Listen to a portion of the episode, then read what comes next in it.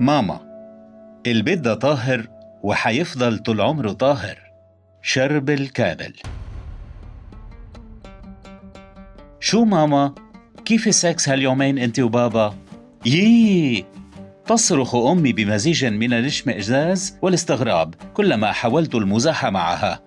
كمن دعي على عزيمة عشاء معفن يأكله الدود والصراصير. لا أستغرب الجواب. فحتى لوجستيا لم يعد التقارب ممكنا.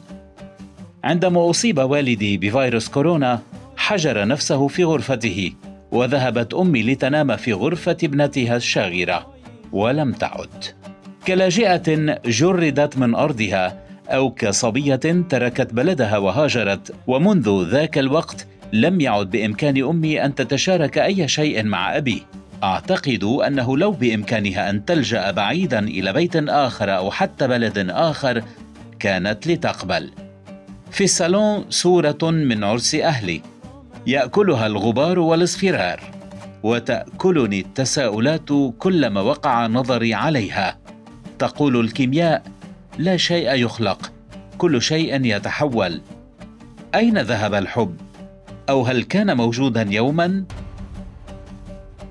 عندما خرجت أمي من المستشفى بعد وعكة صحية تفاجأنا بأبي يقبلها سريعا على جبينها ويهنئها بالسلامة.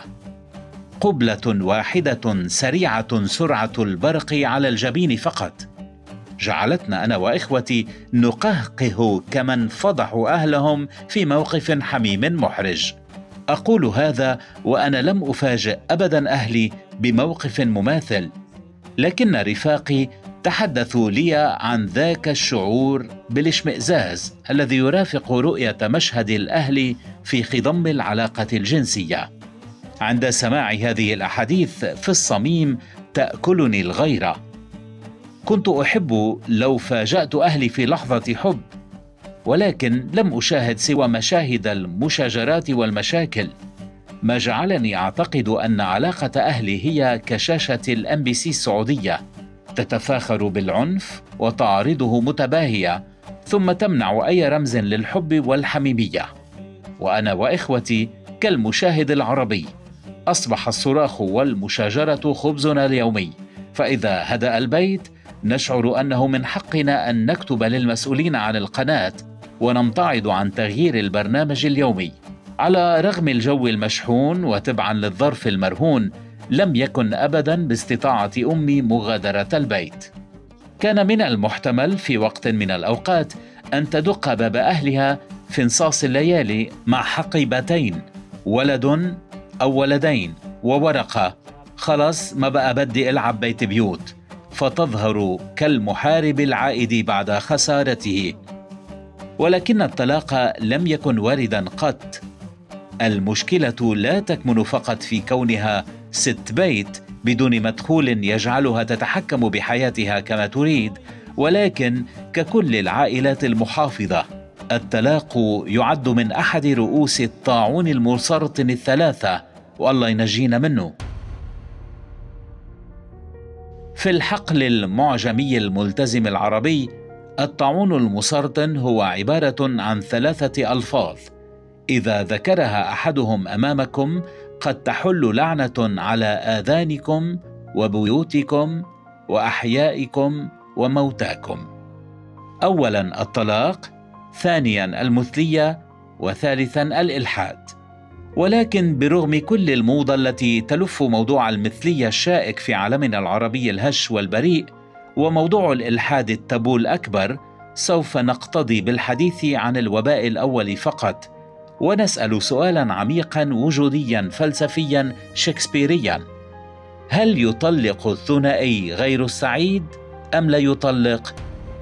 حتى الآن تتباهى أمي بعملية إنقاذ زواج جارتنا سعاد التي كانت على وشك أن تترك زوجها فأقنعتها ماما بالصمود والمثابرة والحفاظ على منزلها.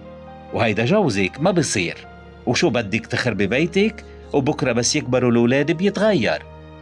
وما لا تعلمه أمي أن الأولاد قد يفضلون تفكك العائلة والحصول على بعض السلام في منزلين مختلفين على العيش في أجواء مشحونة متواصلة تحت سقف واحد.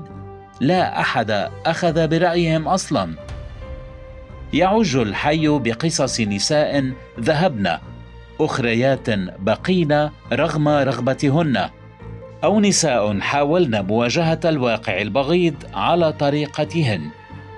تخبرني ماما أن جارتنا بدريه تزوجت رغما عنها من رجل لا تحبه ووجدت نفسها عشيقة أخيه لسنوات عديدة.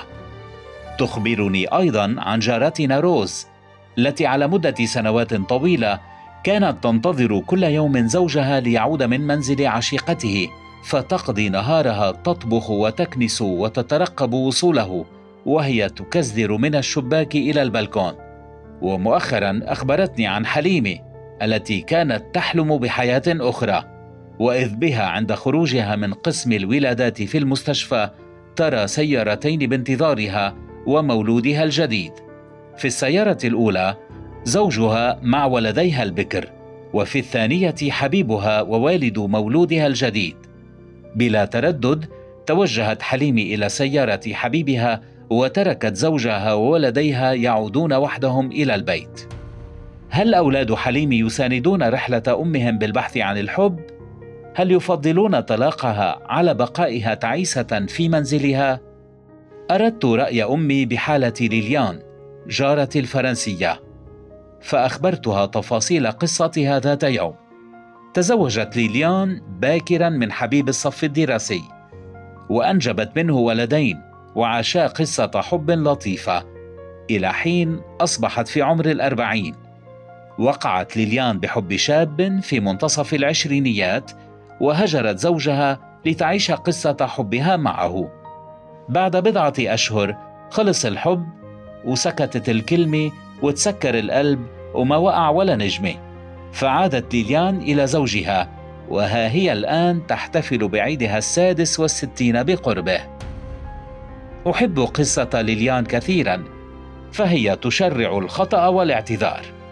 تخبرنا أن الوقوع في الحب ممكن والخروج منه ممكن أيضا. ومع هذه المادة الدسمة توقعت أن أدعي ريكاردو كرم أو حتى كلود أبو ناظر هندي ونفتح طاولة حوار مباشرة على الهواء. لكن ماما ردت ببساطة. هاي بفرنسا. أصريت محاولا إكمال الحديث. ماما كان من الممكن أن تعيشي بفرنسا. وأذكرها بقصة الحب التي عاشتها في باريس في صباها وجدت في يوم من الأيام دفتر ذكريات في غرفة أمي. كتب في أوائل السبعينيات عندما زارت خالي في العاصمة الفرنسية. اكتشفت فيه بعد طلب الإذن لقراءته طبعا أنها هناك تعرفت على صديق لبناني لخالي يملك مطعما لبنانيا في باريس كأكثرية اللبنانيين المقيمين في فرنسا وتواعدا طوال إجازتها الفرنسية. تكتب أمي بلغة عربية عفوية وبتفاصيل صغيرة وبريئة أماكن لقائهما. تصف اللحظات وطعم القهوة والمأكولات وحتى تتلو الصلوات التي تضرعت بها كي ترى هذا الشاب مجددا. كنت أظن أن القصة انتهت هنا وأن الصلوات لم تصل إلى أذان صاغية. فربما كان القديسون يوم ذاك في رحلة حج إلى دير مارشار بالعنايه يغنون ويلعبون سوق عقاد في البوسطة وبالتالي لم يستطيعوا سماع تضرعاتها.